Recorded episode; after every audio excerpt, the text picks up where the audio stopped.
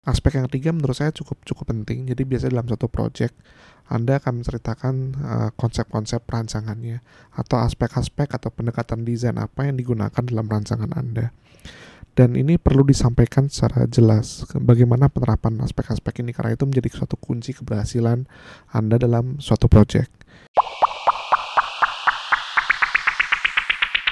Halo, Albertus Prawata di sini. Kali ini di Talks dan akan membahas terkait dengan panel presentasi dalam kaitannya dengan presentasi di jurusan arsitektur. Dalam panel presentasi ini merupakan satu hal yang sangat penting, terutama dalam uh, presentasi-presentasi uh, karya di jurusan arsitektur, di mana dalam kelas studio atau di studio perancangan, panel presentasi ini menjadi salah satu media untuk mempresentasikan suatu karya hasil karya akhir ataupun dari hasil uh, perancangan yang komprehensif uh, selama satu semester. Panel prestasi ini sangat penting sekali untuk bisa dapat menceritakan suatu cerita apa yang ingin disampaikan dari suatu project, dari suatu karya. Jadi uh, bisa diharapkan atau bisa dikatakan tanpa ada anda sebagai seorang murid, sebagai seorang mahasiswa atau mahasiswi itu panel presentasi Anda harus dapat bisa menceritakan uh, ceritanya, bisa memberikan sebuah pengetahuan atau bisa memberikan suatu uh, keterangan dan bisa memberikan menceritakan maksud dari tujuan dari proyek itu tanpa ada Anda menceritakan kepada audiensnya. Penting untuk mengetahui siapa audiens untuk uh, panel presentasi ini, penting untuk bisa juga tahu uh, kepada siapa panel presentasi ini ditujukan. Jadi uh, pada saat Anda membuat panel prestasi ini banyak berbagai macam cara, bagi banyak aspek-aspek yang harus diperhatikan.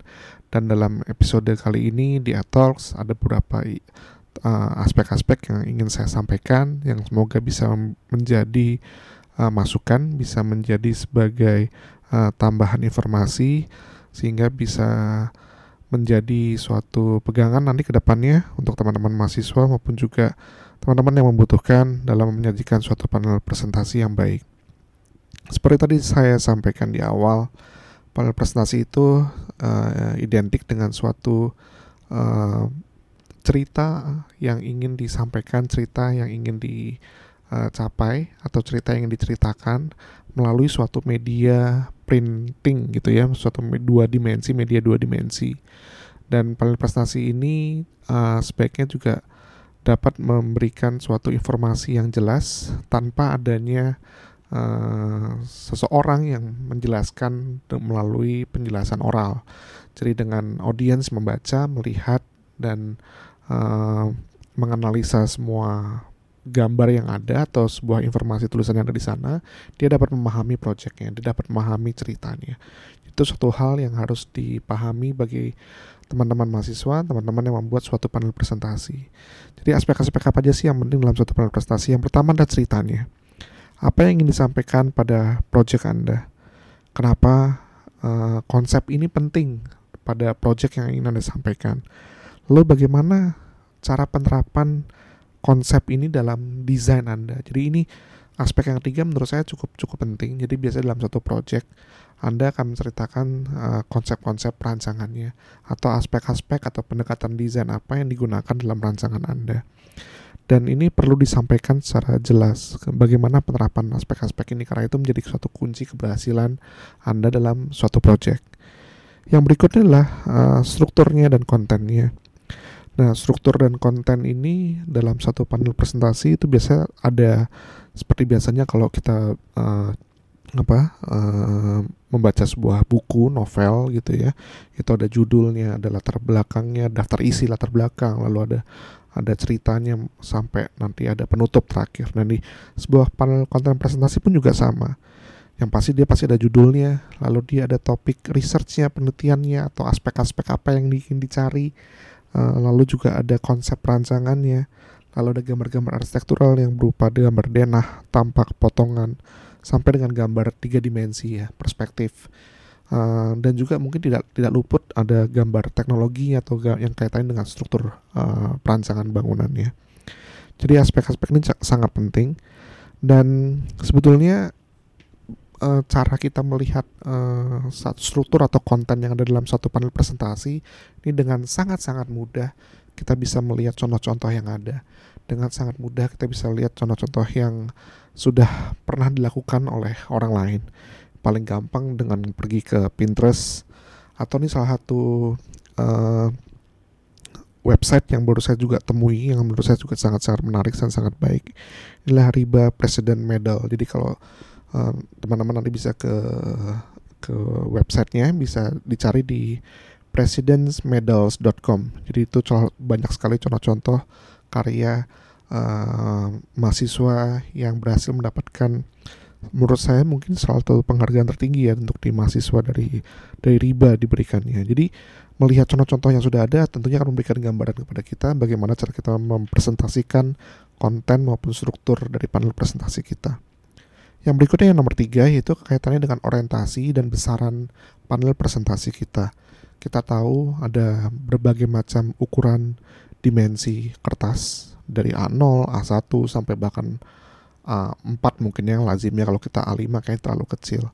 Nah ini bagaimana sih cara kita ingin mempresentasikan karya kita? Apakah dari uh, menjadi A1 yang digabungkan uh, menjadi tiga sebagai suatu hal landscape yang menarik mungkin atau kertas A4 yang digabung-gabungkan atau mungkin kertas A3 dan juga ada kertas A2 uh, ada yang portrait ada yang landscape jadi ini akan memberikan sebuah sebuah tampilan yang tentunya dapat memberikan suatu ketertarikan bagi si penikmatnya.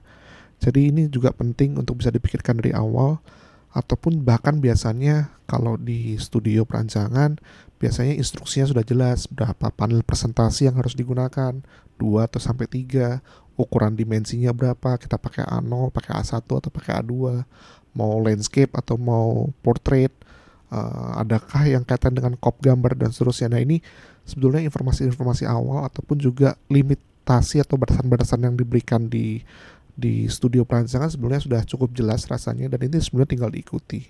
Dan teman-teman juga mungkin tidak bisa juga keluar dari itu dalam artian keluar dari itu tuh menjadikannya menjadi lebih menarik menjadi lebih bagus. Seperti yang tadi saya sampaikan apakah harus cara presentasinya uh, kalau kita bicara dengan kertas A2 gitu ya mungkin ini kertas satu kertas yang lazim sering digunakan tidak terlalu besar tidak terlalu kecil uh, salah satunya mungkin menampilkannya secara portrait tapi mungkin kita bisa memprint dua kertas A3 lalu kita tampilkan secara landscape dan kita gabungkan dan bagaimana tiga kertas gambar itu menceritakan suatu komposisi yang menarik dan menceritakan satu project uh, yang ingin kita sampaikan uh, secara secara komposisi menarik, secara ceritanya menarik, konsepnya menarik dan kita bisa memberikan suatu gambaran yang yang jelas gitu ya kepada project ini. Yang berikutnya berhubungan dengan layout. Nah ini menurut saya mungkin salah satu bagian yang sangat-sangat penting. Uh, tentunya dalam dalam membuat suatu panel presentasi kita akan menggunakan media-media bantuan. Apakah itu pakai InDesign, pakai Photoshop, pakai Illustrator gitu ya. Uh, layout ini tentunya kita harus mulai dulu dengan sketsa-sketsa tangan. Uh, bagaimana cara kita melayout nanti uh, panel presentasi ini? Kertas apa yang akan kita gunakan atau kita pakai? Bagaimana cara kita akan menampilkannya dalam panel presentasinya? Uh, gambar apa saja yang harus kita masukkan? Tulisannya akan mau tulisan apa saja nanti yang akan ada di sana? Dan rasanya ini semua harus di exercise dulu dilatih dulu di coretan-coretan tangan. Jadi jangan langsung terjun ke uh, laptop ke komputer langsung di programnya di Photoshopnya misalnya langsung bekerja di sana. Karena mungkin nanti akan mungkin waktunya akan text time akan lebih lama dibandingkan kita memikirkan secara sketsa dulu. Lalu juga ini ada cara satu cara yang menurut saya cukup cukup cepat untuk bisa menentukan kaitan dengan layout ini. Uh, karena ada cara gampangnya dan mungkin ini bisa saya share di sini ada menurut saya ada ada ada beberapa tipe. Salah satu tipe yang paling mudah yang paling bisa dipahami secara cepat oleh mata itu salah satunya adalah grid presentation. Jadi bagaimana teman-teman bisa membuat struktur presentasinya secara grid dan itu nanti kita bisa melihatnya mau membacanya dari kiri ke kanan dari atas ke bawah itu rasanya kita bisa membuatnya secara dengan mudah dan rasanya kita bisa memahami secara cepat uh, presentasi yang ditampilkan dalam satu panel presentasi tersebut.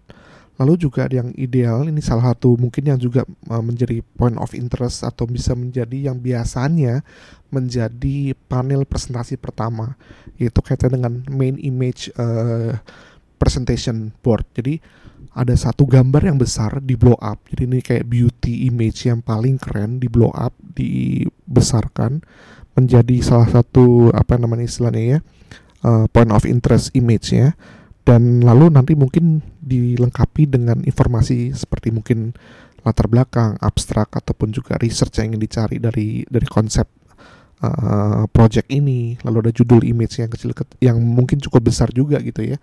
Tapi main image inilah yang menjadi atraksi utamanya. Lalu bisa dilengkapi uh, dengan gambar-gambar kecil yang mengitarinya tapi tidak menjadi dominan.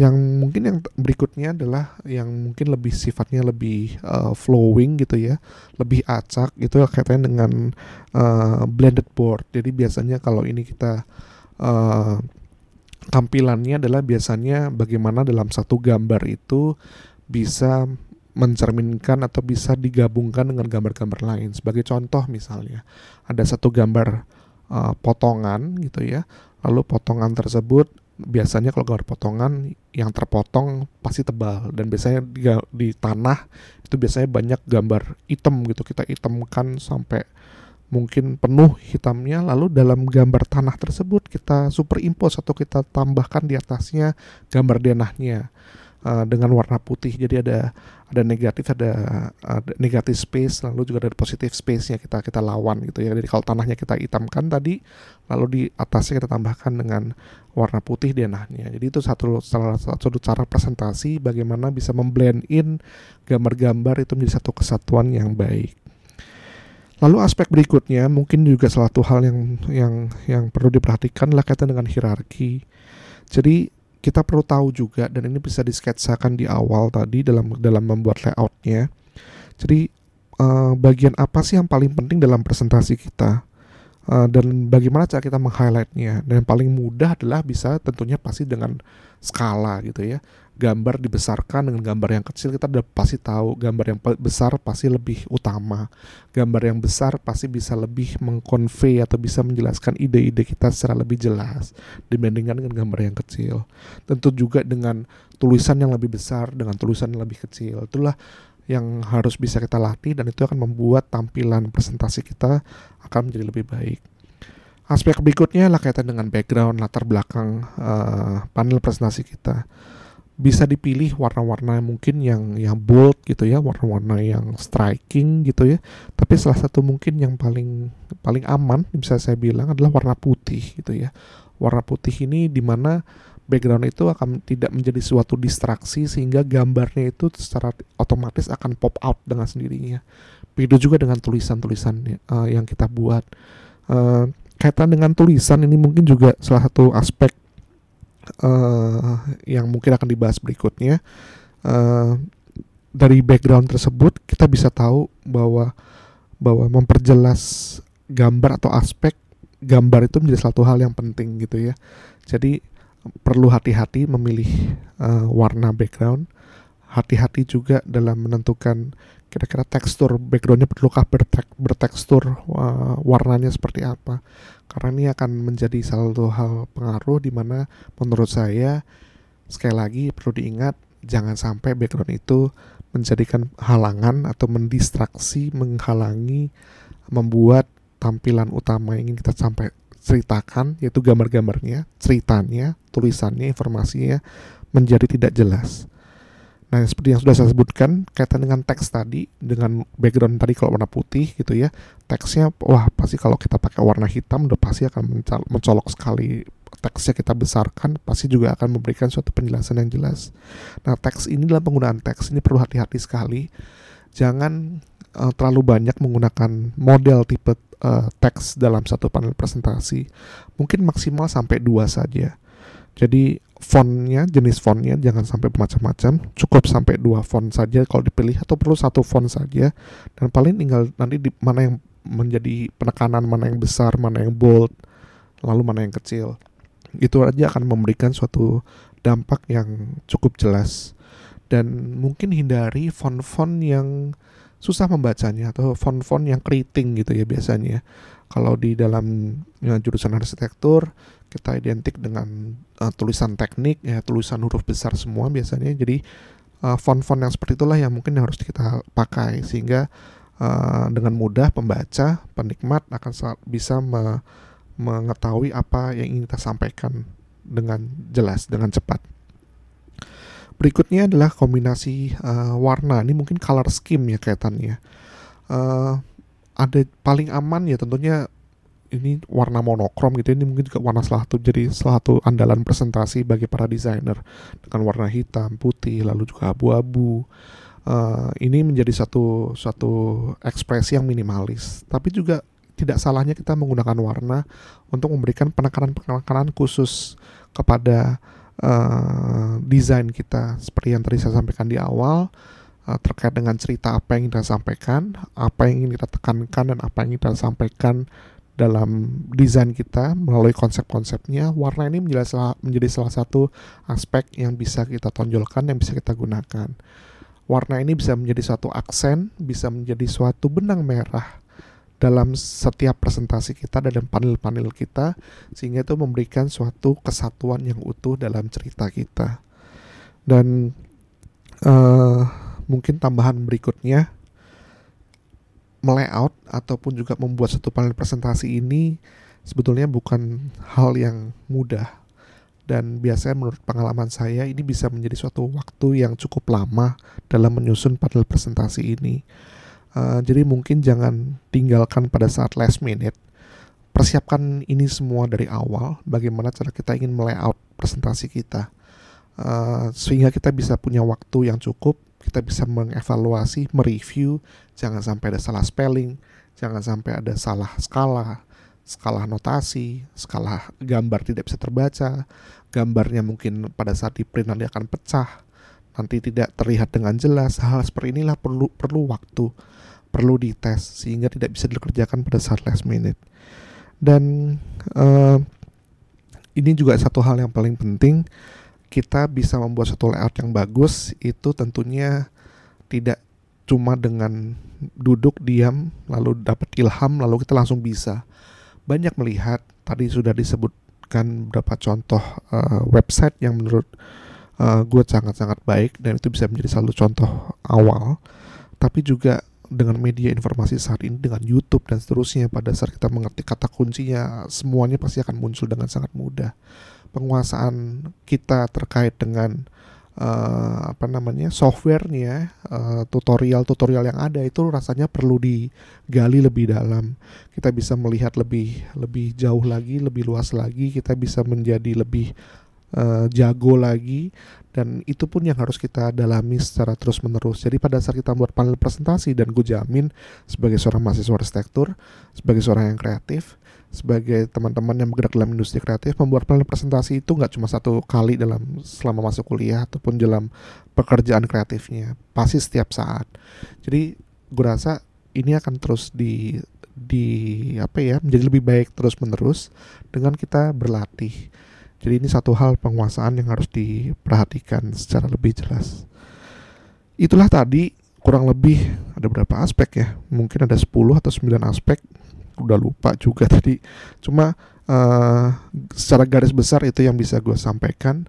Uh, semoga bisa memberikan gambaran yang lebih jelas bagaimana bisa membuat satu panel presentasi yang baik sehingga itu bisa menjadi panduan uh, teman-teman rekan-rekan sekalian dalam menyusun suatu panel presentasi dan perlu diingat sekali lagi uh, practice makes perfect dan banyak-banyak melihat banyak-banyak mencontoh dan gue jamin uh, itu bisa memberikan suatu suatu inspirasi suatu ide yang yang baik dan bisa memberikan suatu uh, hasil yang baik juga Selamat bekerja, selamat mencoba, dan terus berusaha. Semoga bisa panel presentasi yang teman-teman buat dan bisa buat hasilkan bisa menjadi satu bagian proses kreatif teman-teman dalam bekerja, dalam berkarya, terutama mungkin dari teman-teman mahasiswa di zona arsitektur, karena ini menjadi salah satu cikal bakal portofolio yang gue rasa menjadi salah satu uh, intisari teman-teman kuliah di jurusan arsitektur maupun jurusan-jurusan kreatif lainnya. Terima kasih, itu dulu dari gue dan kita ketemu lagi di episode lainnya.